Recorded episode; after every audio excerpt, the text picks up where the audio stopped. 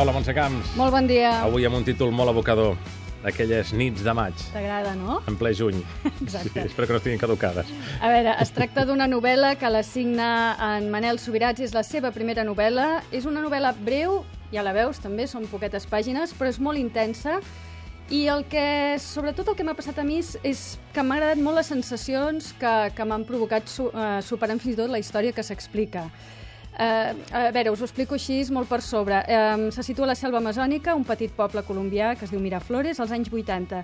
Allà hi viuen de manera temporal una nena, una noia de 15 anys, i el seu pare, que és patró d'una llanxa motora on hi transporta mercaderies, i allà descobreixen que hi viu la germana del pare, que és la seva germana bessona, una dona que fa temps que va abandonar la família per viure la seva vida, i com diu l'obra, una vida de disbauxa fent senyors. Pots Quedeu-vos amb això? Queda imagineu-vos el que exacte.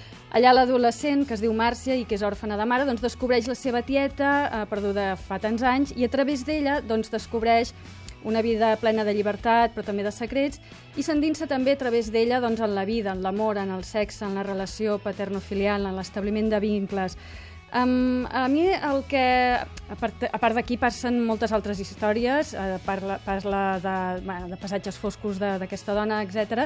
Però el que a mi m'ha interessat més de la novel·la és, com us dic, que desprèn sensacions, aquesta sensació del temps que passa suaument durant les xafogoses nits de maig de la selva amazònica, una mica com si et parlés d'un lloc perdut, gairebé inexistent, tot i que el que explica és molt real, i sap transmetre molt bé aquest to abocador d'allò que s'ha tingut i que no tornarà, una mica com la sensació que tenim quan acaba un meravellós estiu. Melangia, no? Una mica melangia, una novel·la que quan s'acaba dius, ostres, voldria continuar.